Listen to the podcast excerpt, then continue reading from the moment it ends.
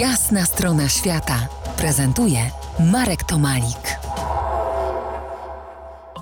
Po jasnej stronie świata goszczę panie profesor od zimnych podbiegunowych krain, biologa Agatę Olech i geologa Monikę Kusiak. Dwie panie i dwie epoki, ale patrząc na to, czym naukowo zajmowałyście się tam, to są dwa światy Antarktydy, ten ożywiony i ten nieożywiony. Lichenolog Agata to Antarktyda ożywiona, mchy i porosty. W największym możliwy, możliwie radiowym skrócie mchy i porosty na Antarktydzie, bym tak zapytał, większość z nas wyobraża sobie, że tam nic nie rośnie, że wszystko przykrywa gruba warstwa lodu, śniegu.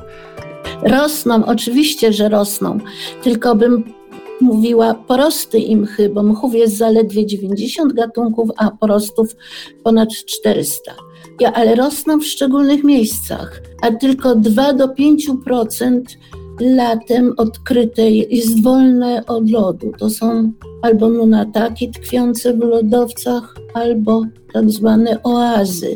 Oazy analogicznie do oaz w pustyniach gorących, pustyni zimnej, oazy przybrzeżne, gdzie można spotkać bardziej sprzyjające warunki, gdzie można znaleźć życie.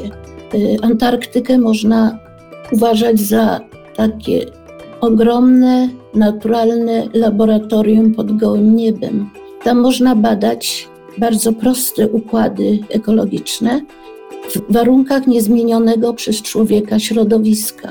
Tam są bardzo proste zależności ekologiczne. Poznanie tych mechanizmów ekologicznych pozwoli potem wyciągnąć wnioski, które pomogą mm, rozwikłać wiele problemów ekologicznych w innych strefach Ziemi. Bardzo ważne są także badania związane z ociepleniem się klimatu i działalnością człowieka. To y, Antarktyda ożywiona, przynajmniej tak na nią patrzymy, a teraz nieożywiona. Profesor Monika Kusiak prowadzi badania sejsmiczne. Moniko, skały, minerały.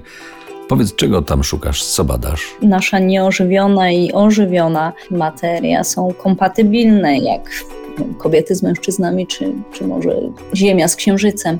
Dobrze, zajmuję się minerałami akcesorycznymi. To są takie minerały, które stanowią mniej niż 1% skały, no i są kolejnym dowodem na to, że nie ilość, a jakość się liczy. Można określić wiek skały, ale nie tylko, bo one, nie tylko ten wiek i czas jest dla nas ważny, ale coś, co nazywamy charakterem geochemicznym skały, po to, żeby się dowiedzieć, jak e, i w jaki sposób czy to ten minerał, czy potem też cała skała, skład chemiczny całej skały porównujemy i, i po to, żeby spróbować właśnie to, tą taką naszą historię mm, zapisaną w skałach odtworzyć i historię Ziemi też tym samym.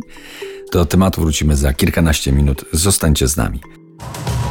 To jest jasna strona świata w RMS Classic.